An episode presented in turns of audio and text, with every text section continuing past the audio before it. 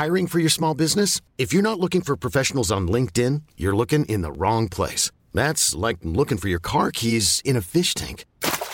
LinkedIn helps you hire professionals you can't find anywhere else, even those who aren't actively searching for a new job but might be open to the perfect role. In a given month, over 70% of LinkedIn users don't even visit other leading job sites. So start looking in the right place. With LinkedIn, you can hire professionals like a professional. Post your free job on linkedin.com slash achieve today.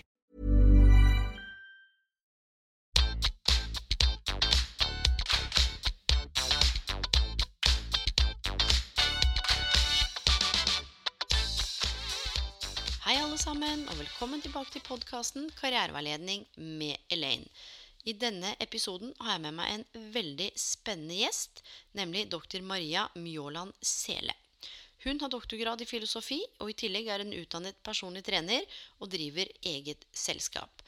Og jeg og Maria vi snakker om ting som omhandler filosofi og karriere og karriereveiledning.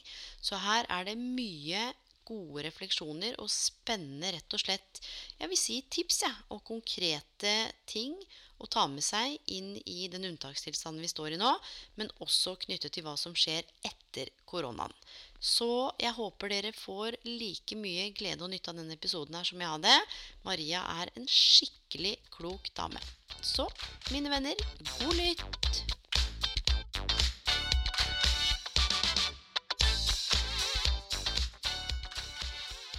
Hallo, Maria. Er du på linja? Hallo, hallo. Hallo. Du, så hyggelig at du har prioritert å være gjest på den podkasten her. Det setter jeg stor pris på. Jeg setter veldig pris på å få lov å være med. Dette har jeg sett veldig fram til. Du, det har jeg òg. Og du sitter jo faktisk eh, på Svalbard. Ja. Langt oppe i nord med sola rett i fleisen. Sånn er det her oppe. Nå er det midnattssol her. Åh, så deilig. Men det er jo tydelig at det digitale møterommet vårt det fungerer. For jeg hører deg veldig godt. Og vi skal bare sette i gang, vi, Maria. For du har jo en doktorgrad i filosofi. Ja. Ja, og da er jo jeg litt nysgjerrig på altså, Hva er egentlig filosofi? Ja, filosofi er kjærlighet for visdom. Det er det filosofi direkte oversatt betyr. En filosof er da en som praktiserer denne kjærligheten for visdom, og det gjør han med å stille spørsmål, hovedsakelig. Ja, for det er jo litt interessant. fordi sånn som jeg opplever samfunn nå, så er det jo veldig mye svar der ute. På hvordan du skal få flat mage, eller finne drømmejobben, eller bli den beste utgaven av deg selv. Og det er ikke noe galt i det. Men det jeg har opplevd, i hvert fall i min karriereveiledningspraksis og coachingpraksis, og som du sikkert har opplevd òg, at det, det handler kanskje noen ganger mer om å stille de gode spørsmålene enn å komme med alle svarene bestandig. Ja, for eh, der er jeg veldig enig i.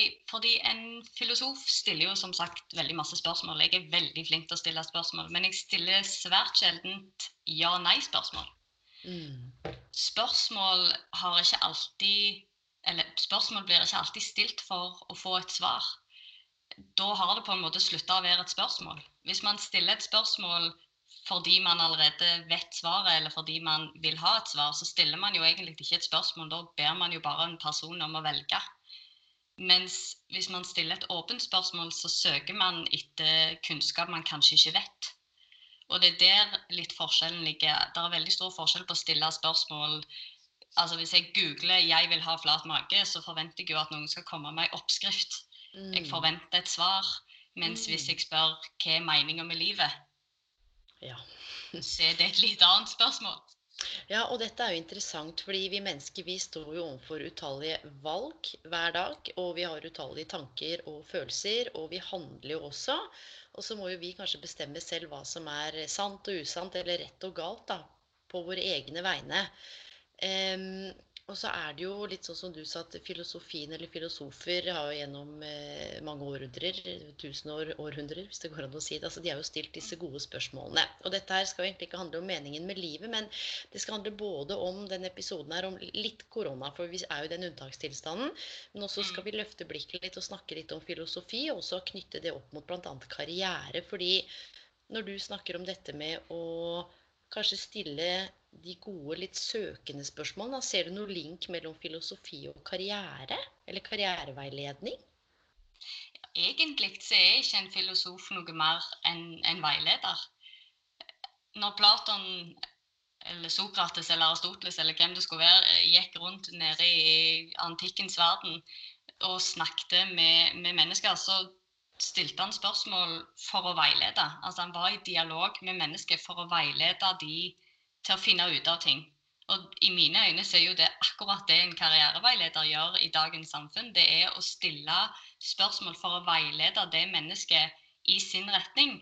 For å hjelpe mm. det på veien. Så en filosof er jo egentlig en veileder på akkurat samme plan som en karriereveileder, tenker jeg. Veldig interessant. Veldig interessant. Og så tenker jeg Og så skal jeg stille det spørsmålet her, altså, vi, Nå må vi bare kort innom på en måte den, den koronasituasjonen, eller unntakstilstanden. Det har jo roet seg ned, i hvert fall betraktelig for noen. Men kan filosofi ha noe betydning for hvordan vi håndterer hverdagen vår sånn rent praktisk? Ja, jeg vil jo si at eh, jeg tenkte veldig på dette, for dette snakket vi jo litt om på forhånd. Og jeg har, mm. det har liksom ligget og tenkt over lengre tid har tenkt hvordan kan filosofi hjelpe? Hva gjør jeg med filosofi i min hverdag? Og så glemte jeg meg faktisk litt, nesten litt av, for filosofi er så naturlig for meg eh, at jeg, jeg, kommer ikke på at jeg bruker disse verktøyene til alt. Men det tror jeg egentlig vi alle gjør, vi bare kaller det ikke for filosofi. Og det mm. tror jeg at denne situasjonen vi er i nå, har gitt oss et spesielt spillerom til å faktisk ha litt ekstra tid og være litt ekstra bevisste på dette som omhandler det indre. For det er jo der filosofien kommer inn. Vi har veldig mange forskjellige typer kunnskap, og vi er spesielt interessert i den ytre kunnskapen. Ikke fordi at jeg skal begynne å snakke om Platon og Aristoteles så mye, men, men, de som har hørt om Platons hule, har kanskje hørt om de fangene som så og ser flammene og skyggene på huleveggen og tror at dette er realiteten. For det er dette de ser, det er dette de hører, det er dette de opplever. Mm. Og så finner de plutselig ut at det er ikke det som er reelt i det hele tatt. Og hele meningen bak det, den lille historien er at det, den kunnskapen vi får utenifra, det vi opplever, det vi ser og det vi hører, det kan forandre seg veldig fort. Det, er, det kan plutselig være feil. Vitenskapen er jo feil ofte, eller retter på seg, eller vi finner ut av nye ting. Mens den mm. indre kunnskapen, det som jeg føler jeg vet, jeg føler, jeg forstår, det er der Det kan ikke være usant på samme måten. Og når vi da plutselig blir tatt ut av den hverdagssituasjonen som vi er vant med uh, altså Vi var vant med å stå opp og kle på ungene hvis vi hadde unger, spise frokost, gå på jobb, ha med briefcase, holdt jeg på å si, skru på PC-en, gå på møter, handle på butikken, kjøpe det som Instagram sa. Mm. Og plutselig så står vi i en helt annen situasjon der du omtrent føler deg kanskje litt naken. Du skal mm. omgås og være altså Det blir litt sånn reality check. Plutselig så må du se deg sjøl i speilet og ta stilling til en hel haug med ting du pleier å spørre folk om, eller som pleier å være forhåndsbestemt, eller som pleier å være Altså, du, Vi har falt helt ut av vår egen struktur, den ytre strukturen. Og da, både positivt og negativt, har vi da mm. mått, tror jeg, se litt ekstra på den indre. Og det er der jeg tror filosofi kommer inn. Så på en måte så er jeg jo litt sånn hell i uhell, er det lov å si det? At eh, jeg mener ikke på noen som helst måte at jeg syns dette er en positiv ting som har skjedd. Men i det som har skjedd, så har det blitt en reaksjon hvor veldig mange har plutselig litt ekstra tid til å se på det som foregår på innsida.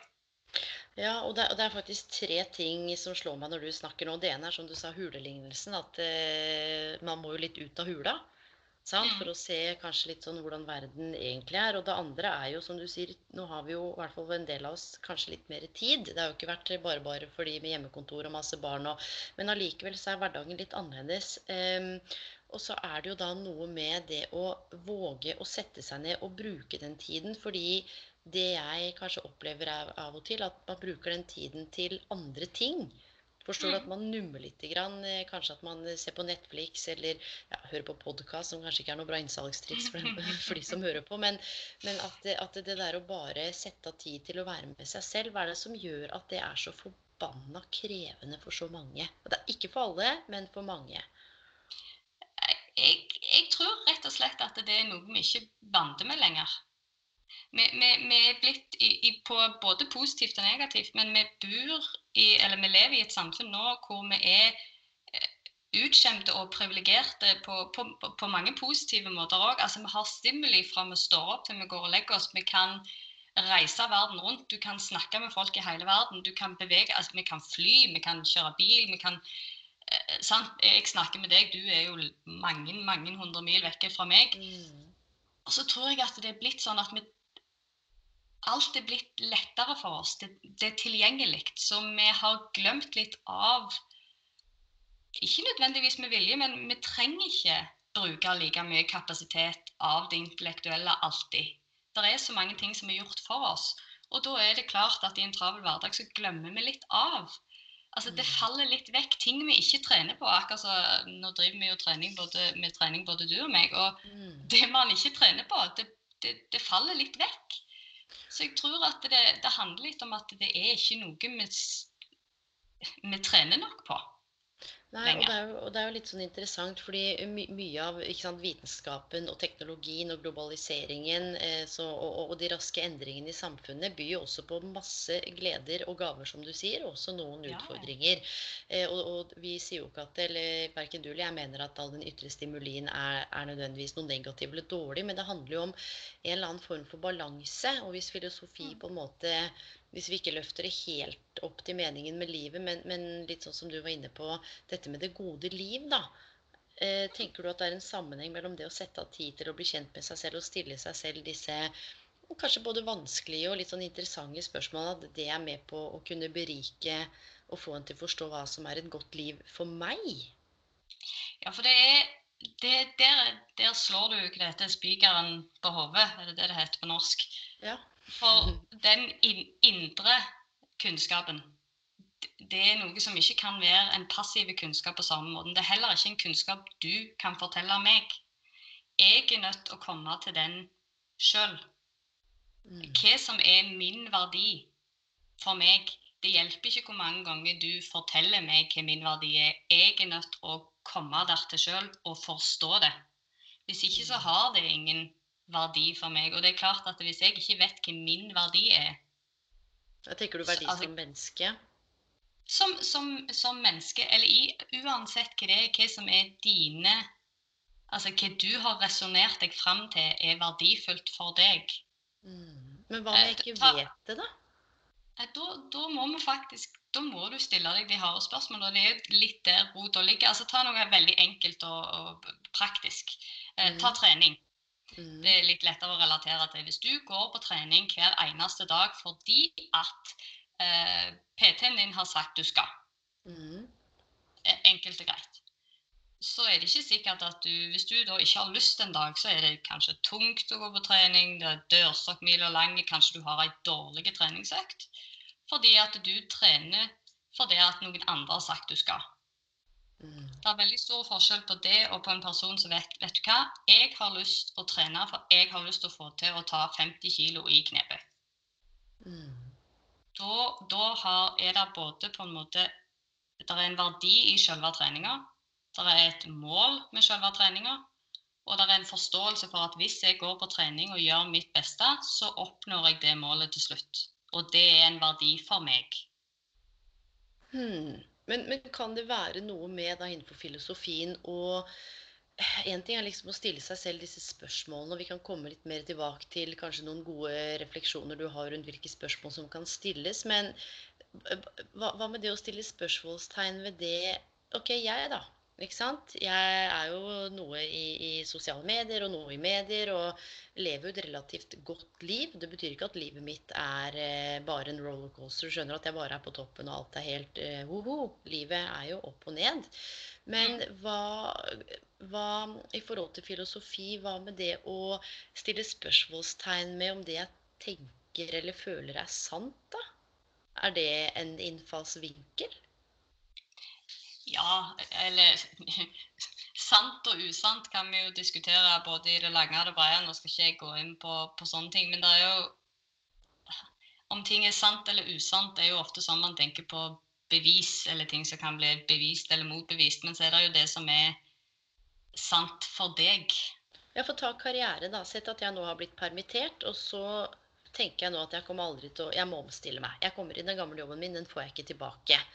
Mm. Eh, det å kunne da sette seg ned og stille spørsmålstegn ved det jeg går og forteller meg selv, da, hvorvidt det er sant at jeg faktisk ikke kommer til å få meg en ny jobb. Og så har du noen konkrete, gode spørsmål eller refleksjoner eh, som jeg eller de som lytter, kan gjøre seg på en måte for å låse kanskje tankesettet opp litt grann, da, med bruk av noen form for filosofi? Altså det, det første, iallfall jeg, for dette går òg litt tilbake til det jeg tenkte på når jeg prøver å verbalisere det jeg faktisk så automatisk gjør, og jeg tror alle òg gjør. Men det å se innover er jo noe av det første. Man kan gjøre det mm. som de kaller på fint for introspeksjon. Mm. Altså det er jo bare å, å, spektere innover. Men det skal man òg klare å gjøre på en litt objektiv måte. Altså det er stor forskjell på å være lei deg og begynne å grine, eller å kunne si 'jeg er lei meg'. Kan ikke du utdype det litt? Grann? For hvis jeg, hvis jeg, blir, altså, hvis jeg blir, veldig lei meg og, og begynner å grine, mm. så, så, uttrykker jo jeg kanskje veldig ufrivillig en, en følelse jeg opplever. Mm. Men det å kunne da etter hvert, hvis min kjære da spør hva, hva er så gale, det at jeg da kan ikke nødvendigvis stoppe å grine eller stoppe å være lei meg, men det at jeg kan si vet du hva, jeg opplevde noe som var veldig vondt. Mm. Fordi sånn og sånn. Eller bare det å kunne si jeg er lei meg. Det å kunne ja. identifisere og si at dette er vanskelig for meg. Som f.eks. denne situasjonen vi er i nå. Mm. Det å kunne si at vet hva, jeg er permittert fra jobben min. Det er helt pyton. Jeg syns det er usikkert, jeg syns det er vanskelig. Jeg syns det er ikke vet jeg verken opp eller ned på noen ting. Mm. Jeg, jeg, har mista hele motivasjonen. Det å kunne si det og identifisere det, da har du kommet ganske langt. For da har du klart å på en måte sette ord både på følelser, på opplevelser og på tanker og forståelser du har om hva som skjer. Ja, og da tenker jeg også at, og dette er sagt tidligere, at man skal være litt sånn selektiv med hvem man deler med. For jeg syns ikke alle bestandig fortjener å høre historien din eller historien min eller noens historie. Så det handler jo litt om også når man setter ord på det. Hvem er det man setter ord på det til? For det, det, handler jo litt om å ha kanskje et menneske i den andre enden, eller kanskje profesjonell hjelp i andre enden, som også tar deg på alvor. Fordi vi alle har vel opplevd å, å sette ord på noe noen gang, og så har det bare blitt sånn enten latterliggjort eller kritisert eller en sånn sarkastisk kommentar eller og da er det jo ganske lett eh, å kanskje føle seg mindre, eller velge å lukke seg, ikke sant? Ja, og Det er jo det som er veldig dumt. for veldig, Selv om du kanskje klarer å være objektiv og sette ord på følelser som er vanskelige, så betyr ikke det at noen andre klarer å høre dem med samme objektiviteten. Eh, vi har jo en tendens til når vi blir redde eller usikre, mm. spesielt Når vi blir usikre, så angriper vi, eller så eh, prøver vi å le, le det litt vekk. Altså, mm. vi, vi har, det er veldig vanskelig å si sånn som noe eh, Ta en helt sånn vanlige ting. Sånn som når du går i begravelse. Mm. Og, og, eller noen har mista noen. Det er jo ikke noen måte å, å, å, på en måte trøste noen for noe sånt. Men allikevel er vi veldige på det at vi føler at vi må fikse det, eller få de til å le eller smile, eller eh, et eller annet sånt. Og det tok meg veldig lang tid før jeg på en måte forsto at jeg faktisk bare kan si Vet du hva, jeg vet ikke hva jeg skal si. Mm, mm. Ja, og, og det er akkurat det. Nå er du inne på noen ting som jeg tenker er både grunnkjernen og tenker både karriereveiledning, filosofi og det å være et godt medmenneske. Altså det der med å skulle fikse seg selv eller fikse andre akkurat som andre på en måte er broken. Forstår du hva jeg mener? Jeg mhm. tenker at ingen av oss er, er broken eller er ødelagt. Vi er på forskjellige steder i livet med forskjellige tanker, følelser. Vi har opplevd forskjellige ting, altså ulike erfaring. Eh, og det er den derre trangen til å skulle komme med svarene, fikse folk, ha fasiten, dele ut oppskrifter, og som for noen kan være helt supert av og til. Men, men, det er noe med det, og, og det jeg kjenner med hele den podkasten her, og hvorfor jeg er så glad for at du er gjest, og som mange av de andre gjestene, at dette er jo ikke noe sånn formanende pekefinger for hvordan folk skal eh, ta tak, eller hvordan folk skal reflektere. Det er rett og slett på litt sånn metarefleksjoner, hvis det går an å si det. Jeg mm. kan ikke fikse deg, Maria. Du kan ikke fikse meg. Men kanskje hvis vi våger å, å se innover, at vi kan starte prosessen med å, å bli litt bedre kjent med oss selv. Da. Og du, en sånn grunnøkkel som du har vært inne på nå, er å identifisere. Det er liksom nummer én. Hvis vi skal nå ja. i hvert fall gi noen refleksjoner og oppsummere litt det du har sagt. Eh, og etter jeg kanskje har satt meg ned og identifisert og sagt at jeg syns det er helt krise, jeg er permittert, eller jeg har mista jobben som selvstendig næringsdrivende, eller jeg er fortsatt på jobbsøk og alt bare raser rundt meg, jeg vet ikke hva som skjer, hva er det neste jeg på en måte kan tenke på eller reflektere over da etter jeg har klart å identifisere det og sette ord på det? Da, da, er du holdt jeg på å si, på blanke ark, om det er et A4, A3 eller A2.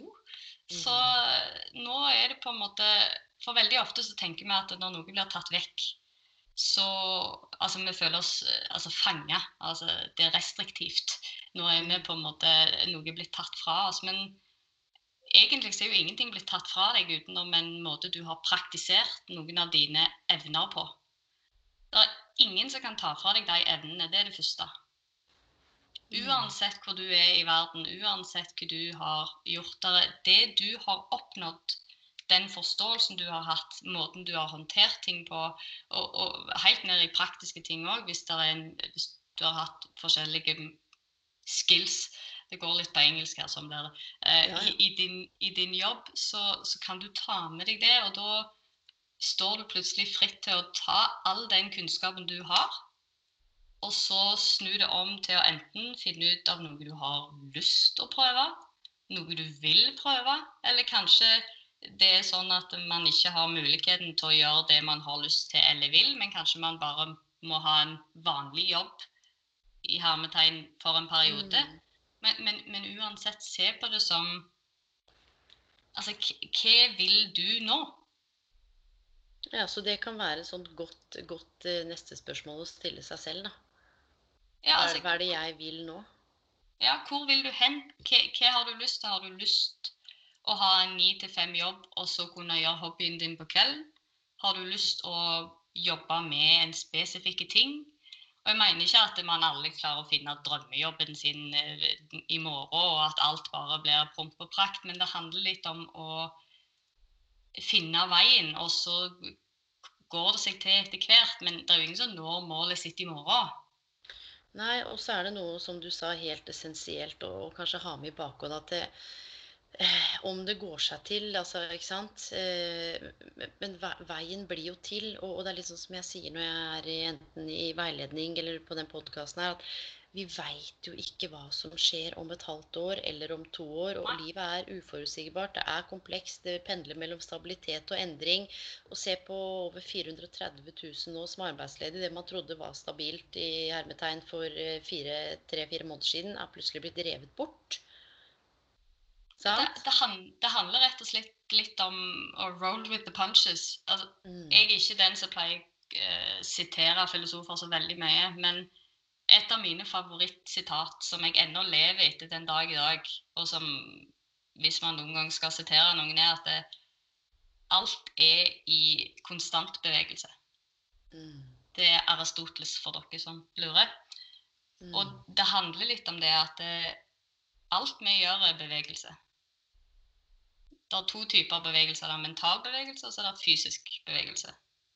Ja, og de henger jo ganske tett sammen ja, de henger veldig tett sammen. Du får ikke egentlig den ene uten den andre.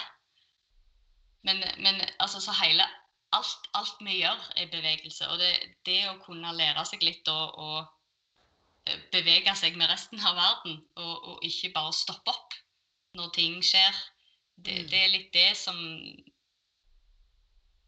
kan være hjelpsomt i en sånn situasjon. Det å på en måte klare å snu om Og jeg mener ikke at det er lett Nei, for, det kan jo være greit å, å, å stoppe opp litt sånn i hermetegn og bare puste litt. For litt sånn som du Ja. sa i forhold til ikke sant, hva er det neste? Jo, at man, man kan, etter å ha identifisert, så kanskje det å tenke hva vil jeg nå? Eh, og samtidig så er det noe med å tillate seg, og dette har jeg sagt i mange podkaster, at følelsene våre er til for å, å føle. For mange som har mista jobben, opplever jo reell sorg, tap av identitet, eh, tap av eh, nærhet, trygghet i flokken, nære relasjoner. Noen har kanskje vært et sted i 20 år, 5 år, men har tilhørighet. Du vet, en del av disse grunnleggende tingene som er så viktige for oss mennesker. Så det er liksom ikke bare jobbrollen eller hvem du er på jobb, men det er også alt det sosiale og det som ligger rundt, da. Ja, jobb er jo en enormt stor Altså karriere spesielt, og jeg skiller jo veldig ofte mellom karriere og jobb, men Mm. karriere er jo det du gjør. Og, og vi identifiserer jo med det vi gjør. Altså det vi Måten vi praktiserer evnene våre på, om det er intellektuelt eller praktisk eller hva det måtte være, det er jo en ekstremt stor del av den vi er. Og hvis det plutselig blir revet vekk, spesielt hvis vi ikke har gjort noe for å i hermetegn fortjene det sjøl, altså ikke har du tatt et Mm. valg om å bytte jobb, eller ikke som du har bare plutselig noen har bare Mm. dratt, tatt det i, sånn fra deg. Mm. ja, så er det klart at det er et slag i fleisen. Det er, vi er ikke utstyrt til å forstå sånne ting, for det er jo ikke en forklaring heller. Det er ikke en god grunn. Vi liker veldig godt når du kan si du brant deg fordi du stappet hånda di i flammen. Mm.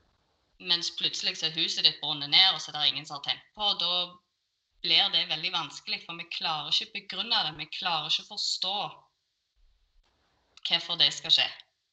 Nei, og dette er litt interessant, fordi vi må tilbake til kort, fordi du skiller mellom karriere og jobb. På hvilken måte gjør du det?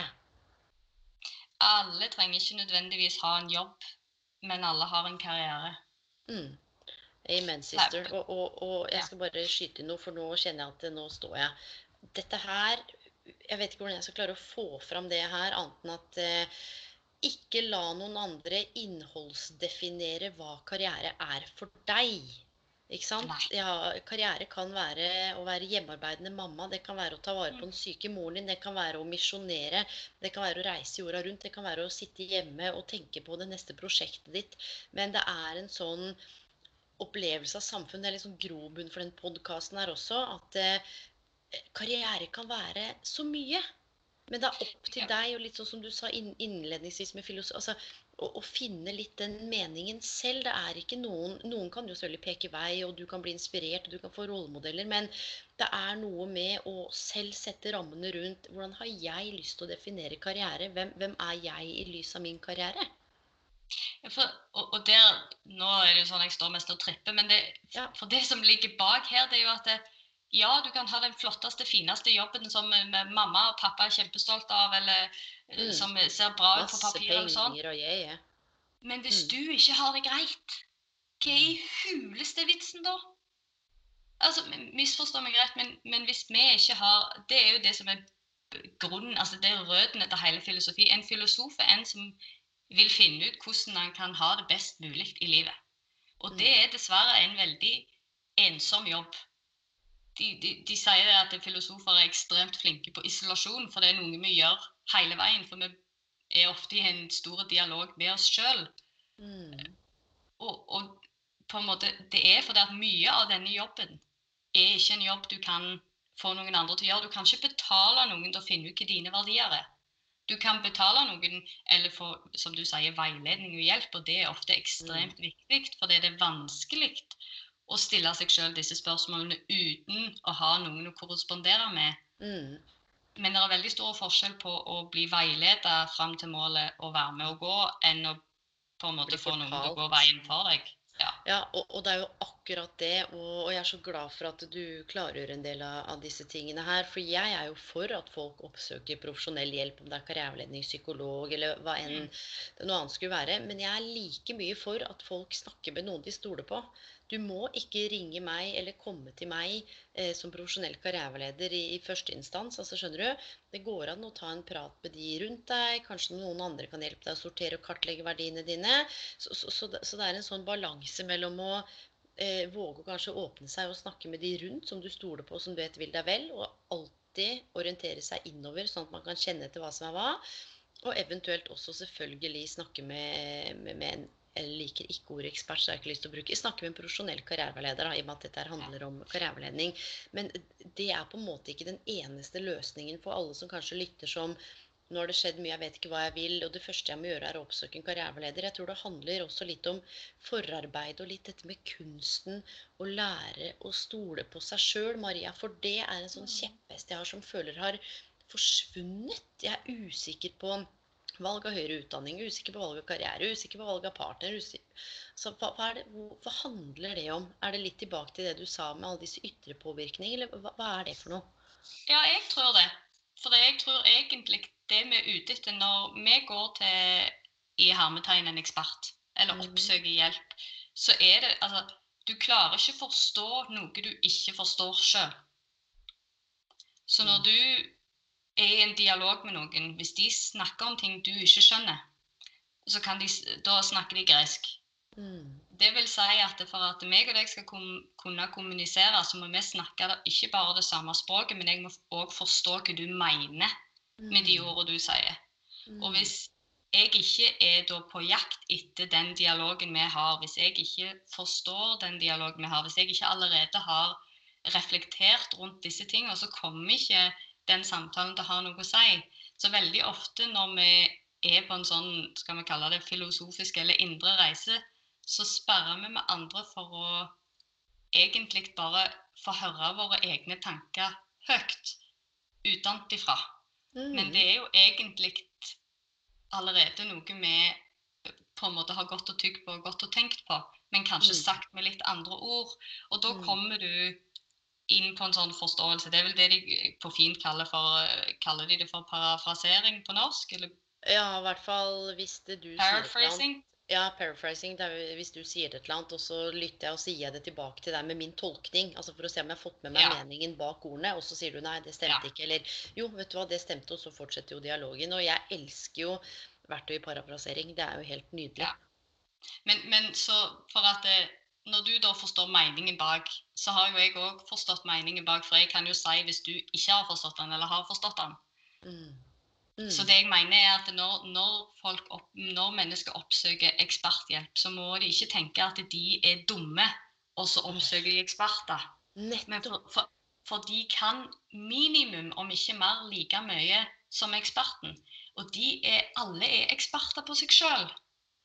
Ingen andre kan ja. Det er akkurat det, og så er det godt å ha noen, om det er en venn eller kollega eller en profesjonell sparringspartner eller en filosof eller katta di for den saks skyld. Altså, og noen ganger ja, ja. er det noe med å få satt ord på tankene sine. Um, og det høyt. Yes. Eller skrive, som jeg er veldig fan av, og det vet jeg du er også. For det er jo ganske så verdifullt. Men ok, så dette med å identifisere, og så liksom tenke hva er, jeg, hva er det jeg vil nå? Og tørre å kanskje se på hva er det jeg er interessert i, hva er egenskapene mine? Hva har jeg kanskje av realkompetanse? Altså, hva er det jeg har gjort som jeg ikke har papirer på? Hva er det jeg kanskje har papirer på som jeg har lyst til å bruke? Um, etter man på en måte har kommet dit at man har identifisert og så begynt å reflektere over hva er det jeg vil nå, hva tenker du kan være en sånn neste riktig og viktig skritt? da? Det er jo ganske mye praktisk som kan være riktig her, og det vet jeg at du er veldig flink på. Men det er én ting jeg bare har lyst til å skyte inn for.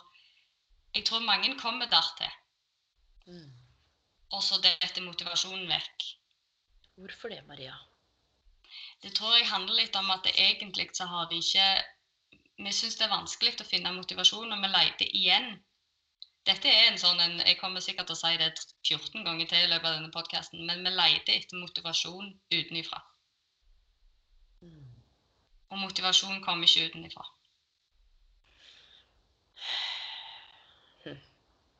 Motivasjon Jeg, jeg syns det er spennende å, å, se på hva ord faktisk betyr. Det er en av mine sånn greier. Min nå, ja. Det er sånn hemmelig, hemmelig Hva heter det for ja. noe? Secret uh, Pleasure. Ja. ja. ja. Så ordet 'motivation' kommer fra et gammelt ord som stammer fra det samme ordet som 'move'. Så det betyr å bli bevegt til følelse. Eller bli følelsesmessig bevegt. Altså motion motivere, altså du blir motivert til bevegelse. Mm. Og hvis du ikke har et mål, sånn som jeg snakket med den, den personen som gikk på trening Hvis du ikke har et mål som er ditt. som du har identifisert som ditt mål, så har du ingen grunn til å bevege deg mot det målet. Da har du ingen motivasjon. Da hjelper det ikke hvor mange som prøver å motivere deg, for du kommer ikke til å bli motivert. Mens hvis du har klart å identifisere et mål, Mm. en jobb, en, en søknadsprosess, en utdanning, en, bare en retning. Kanskje du har en sånn 'jeg skal prøve fem nye ting'. Mm. Og kanskje bare å uansett- plukke opp en telefon, eller gå Ja. forbi og bare se på hvor bedriften ligger, eller bare tørre å se på den annonsen på Finn. Eller tørre å si det Ja. høyt til noen. At du egentlig har jobbet med det, men nå kunne du tenke deg å, å gjøre det uten å på en måte være redd for å bli latterliggjort. da. Bare der. Sant? Men, du, men da har du et mål, og da kommer du òg til å gjøre det. For da er du motivert. For da, kan du, da beveger du deg mot ditt eget mål. Mm. Mm. Skjønte du det? Ja, ja, ja. Jeg henger med. Jeg bare får så mye tanker nå at jeg må bare passe på at eh, dette at, at du eh, fordeler det, det- du tenker. Mm. Ja, Det som er litt viktig, og det jeg vil få fram, det er at det, til alle dere som hører på, at det, det er dere som sitter med all kunnskapen, på en måte. Det, det, det er ikke noen andre. Det er ingen andre som kan gjøre det bedre enn deg. Nei, og så fins det jo bare én av deg og én av meg, og det er jo bare én av deg som lytter også, og som eh, jeg har tenkt utrolig mange ganger. Hva er oddsen for at jeg og du sitter akkurat her nå og har den samtalen, og hva er oddsen for at du som lytter faktisk altså kom til? Tenk deg alle møtene som måtte skje med foreldre, besteforeldre, eller at det da er annen måte å komme til verden på, om det er spermdonor eller egg, altså hva- hva enn. Og, og, og langt, langt, langt, langt, langt tilbake i tid, og så sitter du, kjære lytter, her, og så sitter jeg her, og du, Maria, og så har vi det ene livet her. Mm. Vi har det ene livet her, og, og du sa dette med ord og ordets betydning, og jeg er sånn, har hjerte for dette ordet respekt, for det bruker vi jo veldig mye. Vi skal respektere hverandre og verden og dyr og planter. Og, men, men ordet respekt, altså det betyr jo å se en gang til. Mm. Så du kan jo tenke deg, når du nevnte dette med introspeksjon, ikke sant? at ja, man har titta litt innover og likte kanskje ikke helt det man fant, uff, der var det noen ubehagelige tanker, eller Men det å våge å se en gang til. Eller Mm. Når vi tenker på andre mennesker, eh, nasjonalitet, eh, kjønn, alder, altså etnisitet, hva enn vi går og reflekterer rundt, som det kanskje ikke er noe sånn fasitsvar på, så har vi kanskje gjort oss opp noen meninger, da, kanskje om det er det yrket eller den utdanningen. Ja, hva med å kanskje se en gang til, da? Ja, hvem var det å bare kunne si at vet du hva, jeg tok feil? Jeg så en gang til, og jeg tok feil. Mm. Det, det er vanskelig for mange. Ja, og nå er du inne på noe som jeg finner interessant. ikke sant? Jeg har jo møtt en del mennesker, og ikke mange, men, men ikke få heller, handler om at jeg har valgt feil utdanning, eller jeg er i feil jobb. Mm. Hvorfor bruker vi det ordet Hvorfor blir det plassert der? Er det feil å ha vært et sted i fire år og så finne ut at ikke du trives, eller er det feil å ha studert i to år og finne ut at dette var ikke noe for deg? Nei. Nei, det er ikke det, vet du. Jeg vil jo si at det er veldig riktig, jeg, da, på en måte. Men Ja. det er jo, nå er jo ikke jeg akkurat eh, sånn A4. Jeg, jeg vil jo si at det er jo egentlig ingenting som er rett og galt på den måten, i, i den settingen der. Mm. Men, Man, man eh, Det er klart at jeg kan eh, si at jeg har brukt for lang tid på, eh, på å bygge opp eh, det jeg holder på med nå, f.eks. Eller jeg kan, kan tenke på det som at det, har tatt den tida det skal. Jeg har prøvd og jeg har gjort ting som kanskje ikke har gått så kjapt eller gått den veien jeg hadde tenkt. Men så har jeg jo, hvis jeg, hvis jeg ser litt objektivt på det, hvis jeg går litt ut av meg sjøl og Mm. klarer å se ikke bare reaksjonen, ikke bare gå inn i den følelsen med en gang. Altså ikke bare Jeg mener ikke dette sånn, men ikke bare grin, men å forstå hvorfor jeg griner. Altså når jeg kan se hva jeg har fått ut av alle disse tingene. For jeg, ingenting er jo for ingenting. Nei, og, og jeg kan trekke en parallell. Jeg har jo blitt mamma nå, eh, som er kanskje det mest slitsomme, mest krevende og mest givende prosjektet jeg tror jeg noen gang kommer til å ta på meg hele mitt liv. Eh, og jeg vet at alle er sånn Ja, ny tid når nå blir han 14 måneder, men han er jo et fyrverkeri av et barn. Så som jeg har sagt tidligere, jeg løper jo rundt i løpet av en dag så er jo 17 000 skritt på Fitbiten bare for å følge etter han. Eh, og det er jo en gave, men av og til så kjenner jeg at han trigger meg. Sant? Og istedenfor å tenke at han er slem, eller han gjør noe galt, eller så må jeg tenke hva er det han treffer i meg som gjør at jeg kjenner irritasjon eller frustrasjon? Sant? Og det er et sånn Ja. Ja, ja, nei, det var ikke Nå skal ikke jeg begynne å Men det første som slo meg, bare sånn Mm. For veldig ofte når vi blir frustrert, så er det jo ikke så er det fordi vi blir utfordra. Yes, og det var akkurat det, og jeg skal dra en parallell over til karriere og litt av det vi snakket om òg, fordi istedenfor å, å, å bli sint eller frustrert på han, forstår du, som, som gjør det han Mm. skal gjøre som et lite barn i utvikling, så må jeg stoppe opp og skjønne hva er det han trigger i meg. Det er jo den beste døråpneren til å bli kjent med seg selv som mamma og som menneske. Og her kommer det. Jeg ville at han skulle legge seg da fordi jeg hadde lyst til å sette meg ned og slappe av, eller jeg skulle gjøre skole. Og så blir det ikke Mm. sånn. Jeg hadde en forventning om hvordan ting skulle bli, og den var ikke uttalt, for han vet jo ikke om den forventningen. Mm. Og så går det ikke sånn som jeg hadde sett for meg. Og da er det noe med å forstå hva handler dette her om, for han har jo ikke gjort noe galt. Og det er litt som hvis du ser på eh, koronakrisen, og dette er jo ingen sin skyld, men vi hadde noen forventninger om hvordan livet skulle være de neste månedene eller det neste året, og så ble det ikke sånn. Og det gjør jo noe med oss. Det, det, og det, det er klart det gjør det. Jeg òg Vi fikk jo alle et litt sånn Hæ? Mm. Altså blanding av eh, nesten litt sånn nysgjerrighet om hva i huleste som skjer. Og, og eh, det slo oss jo litt i trynet hele gjengen, er det lov å si det? Du, Eh, det er så lov å si, og det er derfor jeg syns dette med, med, med forventninger som jeg tenker kan knyttes sammen med både å, å identifisere og det hva du lyst til å bli nå, og dette med å skulle handle, som vi var inne på, ikke sant, som kanskje er et, eh, om ikke et steg tre, for da gir vi en oppskrift, men, men en sånn del, delrefleksjon nummer tre, så er det også noe med å være bevisst. Hvilke forventninger har jeg til meg selv, til arbeidsmarkedet, til min egen karriere? For forventninger er både et onde og et gode. Ja, og så tror jeg det å ha forventninger til seg sjøl, det er litt sånn toegga sverd. For veldig ofte så føler jeg at vi ikke har så mye forventninger til oss sjøl utenom de som blir satt av andre. Hvordan kan du skille det? Nei, som regel så blir det Det vet jeg faktisk ikke helt hvordan du skal skille.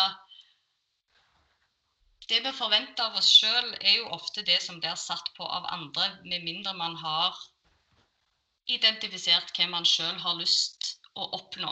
Men så er det jo noe med det at eh, livet skjer jo selv om man har lagd ei liste over ting man ønsker å oppnå, og forventninger man har. Og så er det litt det å kunne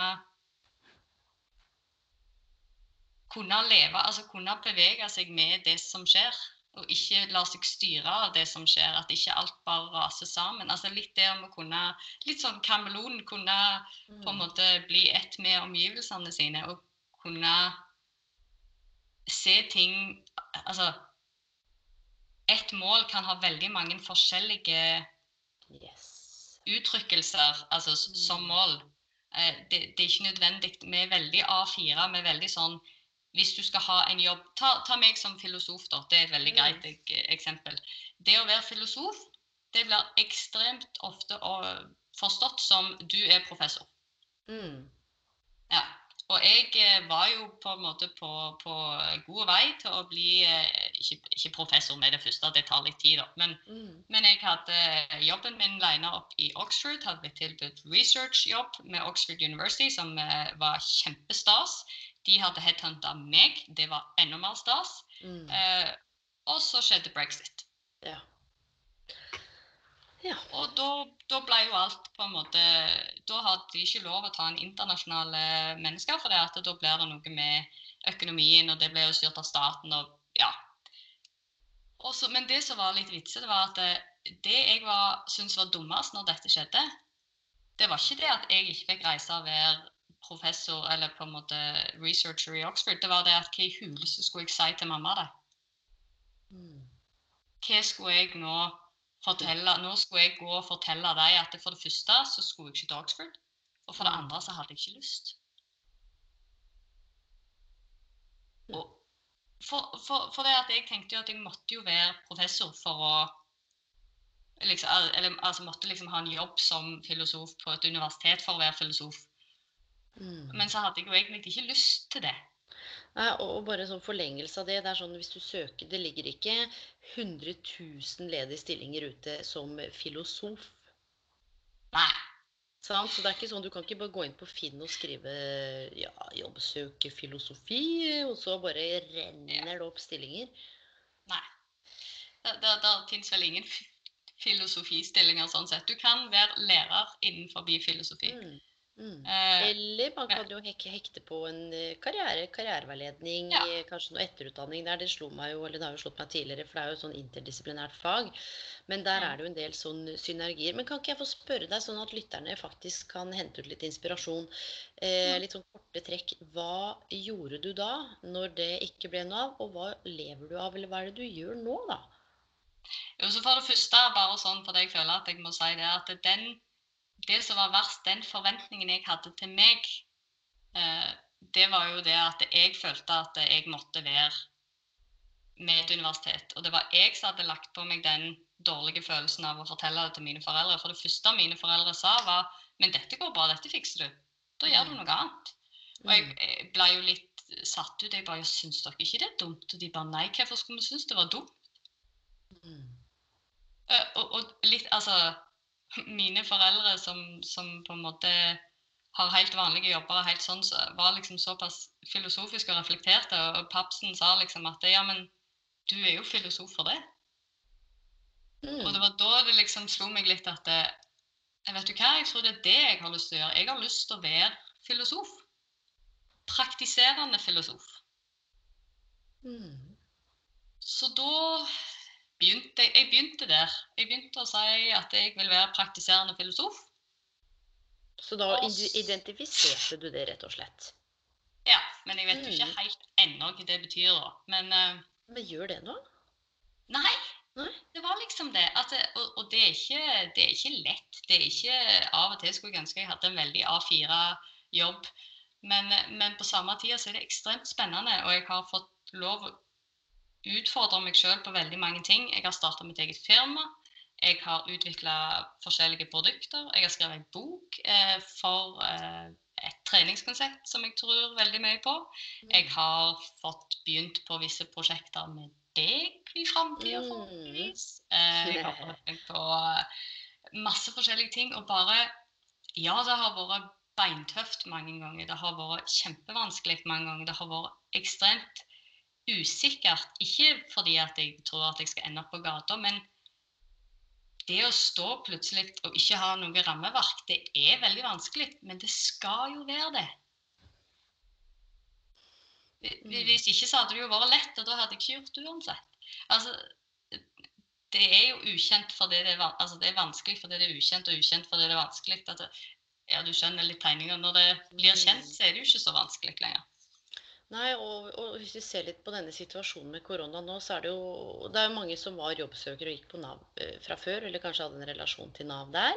Eh, og så er det plutselig 430 000 til. Og en del får jo tilbake jobben, men ikke alle. Og det jeg tenker på, som man snakker om eh, arbeidsmarkedet, og hvordan, hvordan skal dette bli, og man skal mene noe om eh, hvilke yrker som er mulig, og folk må omstille seg. og fra sånn karriereveiledningsperspektiv da, så har jo ikke jeg noe fasit, eller du, eller fra et filosofisk perspektiv på hva som er riktig, som vi har snakket om. Men jeg tenkte jeg skulle bare dra deg inn i noen spørsmål som har kommet inn, som handler litt om akkurat dette her, som ikke du, du, du vet ikke hva slags spørsmål som har blitt sendt inn. Er du klar Mm. for å høre om de? Spennende. Ja. Utfordringer liker det. Liker det. Det er en som skriver 'Jeg tenker altfor mye'. Eh, og jeg vet at mange store filosofer er jo tenkere, så kanskje jeg kan, kan kalle meg en sånn liten minusfilosof. Men jeg tenker altfor mye. Er det noe jeg kan gjøre for å få tankene til å bli litt mer positive i denne situasjonen vi nå er i? Det er sikkert veldig mange ting. For, for det første, det å tenke mye er ikke nødvendigvis negativt. Men hvis man føler seg Ut ifra det du sa i resten av spørsmålet, så vil jeg anta at det er det negativt lada Mm. Mm. tanke, tankene som på en måte kan eh, som, som er vanskelig å håndtere. Eh, men det at du tenker mye, og det at du føler deg som en liten filosof, det syns jeg eh, virkelig at du bare skal fortsette med. For det er egentlig så er vi alle filosofer, og alle har lov å være filosofer. Men eh, vet ikke om det høres veldig tåpelig ut på en måte, men du er den eneste som kan snu det. Og det betyr ikke at det snus i morgen. Og det begynner på en måte en plass. Det begynner med å gjøre den tåpelige tingen om du ser deg selv i speilet, om du skriver det ned. Det, jeg har stått i speilet og gjort peptalker til meg sjøl, jeg. Mm. Uh, men det å faktisk øve på å si eller å tenke positive tanker. Mm. For bare ja. det at du tenker og reflekterer, er jo faktisk en evne du har da. Det at ja, det... du tenker, er jo kjempebra.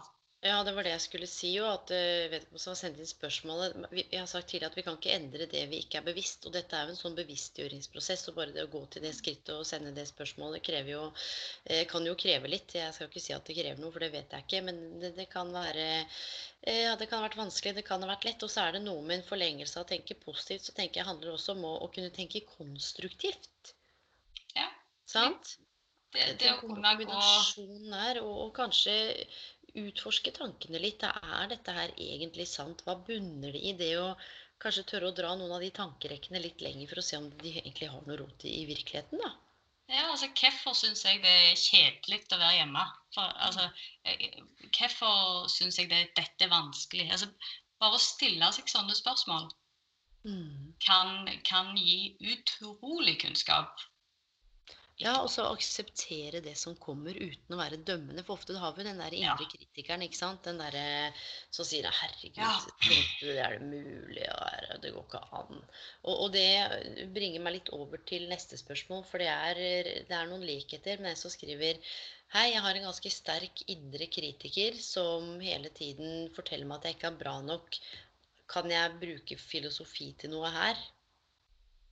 Det kan du helt klart. Altså det å kunne prøve når, I filosofi snakker vi jo veldig ofte om reason, eller det som kalles for fornuft. Det stilles jo høyere enn det som kanskje i vanlig vitenskap er bevis eller sannhet. Men det å på en måte kunne gå litt tilbake, litt objektivt, og på en måte ja, Litt forenkla. Jeg pleier ofte å si det De sier jo det at du skal snakke til andre sånn som du sjøl vil bli snakka til. Ja. Eller behandle andre sånn som du vil bli behandla sjøl. Mm. Men jeg mm. tror jo at du skal behandle deg sjøl, og du skal snakke til deg sjøl sånn som du hadde snakket til andre. For det skal mm. iallfall jeg ærlig innrømme at sånn som jeg har snakket til meg sjøl, noen ganger hadde jeg aldri snakket til min verste fiende. Og det å være klar over det, og det å på en måte kunne si det høyt, det har jo gjort at jeg prøver å behandle meg sjøl annerledes. For jeg ikke Altså, jeg bør jo behandle meg sånn som jeg behandler andre. Mm. Og, og, litt det samme. Mm. Ja, nei, litt det samme at hvis man har en veldig sterk indre kritiker, så kommer man òg til å være mer kritiske mot andre. Derfor vil man Det er litt det igjen at man må hjelpe seg sjøl før man kan hjelpe andre. Litt når man må ta på den maska eh, på mm. flyet. Eh, at det handler litt om at her er det jo hva får du ut av å være så kritiske mot deg sjøl? Hva får du ut av å være så dømmende mot deg sjøl? Eller hvorfor er man så dømmende mot seg sjøl? Hvem er det som sitter med den holdt jeg på å si, dømmende holdningen der? Er det, er det noe du har lagt på deg? Er det noe noen har sagt noen gang? Er det noe som ligger igjen fra noe? Altså Her er det jo ofte ting som går lenger bak. Men det å begynne å identifisere hvorfor det er denne indre negative dialogen mm. Mm. Nå vet jeg ikke om det var helt svar på spørsmålet, men uh... Nei, jeg, jeg, jeg, bare jeg reflekterer samtidig. Jeg syns det var uh, gode, gode refleksjoner. Jeg tror mange kan kjenne seg noe spesielt også fra, fra, den situasjonen mange står i nå. Som vi snakket om i forhold til å skulle bytte jobb, eller å ja, kanskje måtte gå på, løs på ny utdanning. For noen så er jo dette helt fantastisk. Ikke koronaen, men at man får en gyllen mulighet til å plutselig gjøre noe helt annet. Fordi du har gått og tenkt på det kjempelenge. Og det er det en som skriver her òg. Jeg har gått og tenkt i flere år på å bytte jobb, og så skjedde koronaen, og så Vi har skrevet litt fram og tilbake, og hun sier at det, det er jo helt krise at det skjedde, det skjønner alle. Så skriver hun men nå har jeg faktisk muligheten til å gjøre noe av det jeg kanskje har hatt lyst til. Ja. Sant? Og, og, og det som er litt spennende her, eller det som er litt interessant, er at egentlig så er vi jo alle i den båten. Hvis Mm. du har lyst, så kan du bare hive deg på den båten. Og med det er vanskelig for mange å gjøre. Fordi her Ja. kommer resten av spørsmålet, apropos det du sa nå. Jeg har Mhm. lyst til å gjøre noe nytt. Mm. Og så sier hun men jeg syns det er utrolig vanskelig å velge ny retning, eller eventuelt ikke å skulle gå tilbake. Altså, selv om jeg vil, så, er det, så skriver hun det handler mest sannsynligvis om trygghet. Ja. Sant? Ja, vi, vi, er, vi er vanedyr. Yes. Det er vi. Og, og alt som handler om vaner, er, er trygt og greit. Og det er jo derfor dette her, denne situasjonen vi er i nå, er blitt så vanskelig for mange. For vi er blitt revet ut av vaner som vi har hatt liksom langt inne i beinmargen. Og folk som sier nei, du får ikke lov. Mm. Altså, Enten så blir man jo sånn som jeg gjør hovedsakelig når folk forteller meg at jeg ikke får lov å gjøre ting, så blir jo jeg tre år og sier jo. Og, ja, også jævlig skikkelig vanskelig. Ja, for da blir det litt sånn, ja, hvis du sier jeg ikke skal, da skal jeg minst gjøre det fire ganger til. Eller, eller altså det å reagere med sorg, det å reagere med, med frykt, det å reagere med bare å bli helt altså, lamslått. Altså, vi er ikke Vi er vanedyr. Vi liker vaner. Det er trygt og det er greit. Fordi å måtte tenke sjøl og ta nye valg og ta stilling til ting og se innover og reflektere og bli kjent med oss sjøl alene i isolasjon, det er vanskelig. Mm. Men hva, hva kan man gjøre da, Maria? Ikke? Man, man har lyst på den tryggheten, hvis vi ser bort fra økonomien, som for noen er en sånn kjempedriver. Men jeg, jeg klarer ikke bryte de vanene mine, Maria. Jeg kommer ikke ut av at jeg har så lyst, men jeg bare faller tilbake. Hva, hva, hva skal jeg gjøre da, liksom? Da skal jeg være litt på kanten, og det er sikkert noen som er uenige med meg. Men eh, har du lyst nok, da? I like it. Jeg tror litt på den at hvis man har lyst nok, så finner man en måte. Det betyr ikke at det ikke kommer til å være vanskelig. Det betyr ikke at det ikke kommer til å være eh, Altså rive seg i håret, blod i nesen, eh, ingen Ja, du skjønner tegninga. Det kan være at det er skikkelig forferdelig av og til, men det betyr ikke at du ikke får det til. Da må man tåle at det blir litt eh, Litt eh, hva skal jeg si, tøy og bøy og motbakker og litt snurr og tårer. Men det er kanskje det Ja. som handler om å være menneske òg, da. Livet er jo ikke en sånn lineær rett linje fra A til B hvor alt bare Og det tror jeg ganske mange har kjent på. Ja, og hvis ikke, hvis man vil ha det som en dans på roser, da velger man det. Mm. Du, eh, vi har jo snart snakket en time. Så Oi. vi skal ah, Ja, ja, ja. Men vi skal avrunde om ikke så lenge. Men før vi avrunder, så lurer jeg på Hva er dine beste Og jeg sa at jeg er ikke så glad i tips og råd, men jeg har liksom ikke noe annet godt ord for det. Hva er dine beste karrieretips eller refleksjoner til de som lytter nå? Hva, hva er det du liksom kjenner at det, dette brenner du inne med å få lov til å dele? Finne ut hva du vil, altså hva som er dine verdier. Men ikke lås deg til at det skal uttrykkes på en spesifikk måte. Våg å prøve forskjellige ting. Og selv om du finner ut at det er noe som ikke var for deg, så er ikke det å feile.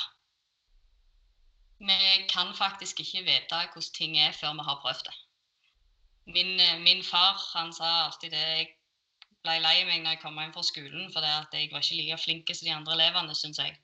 Mm. Og så sa han at ja, men Maria, du går på skole for å lære. Og det er litt det det handler om, at eh, noen jobber må vi prøve. Noen karriereretninger må vi prøve. Eh, før vi på en måte kan si vet du hva, dette var ikke for meg, eller det har jeg ikke lyst til. Eller kanskje du har lyst til noe som du ikke vet at det er virkelig engang. Kanskje det ikke er en jobb, kanskje du må lage det til en jobb eller en jobbtittel.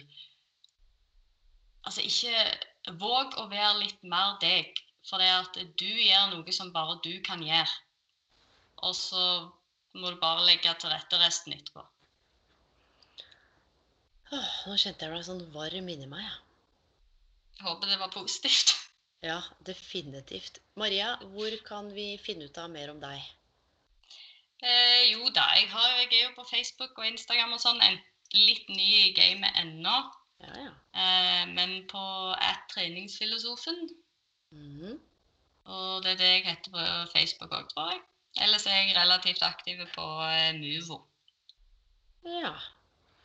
Ja. Maria, jeg føler meg eh, inspirert og klokere og rolig. Mm, jeg klarer ikke helt å sette ord på det enda. Jeg kjenner at eh, når vi er ferdig med episoden her, så må jeg faktisk sette meg ned og bedrive litt introspeksjon. ja, men det er fint. Mm. Det har vært fantastisk kjekt å få lov å, å være med, og dette har vært ekstremt gøy. Så fint, da. Tusen, tusen takk for at du var eh, gjest, Maria. Det satte jeg veldig stor pris på. Ha det godt så Tusen, lenge. tusen takk for at jeg fikk være med. Ha det bra. Du, bare hyggelig. Ha det bra.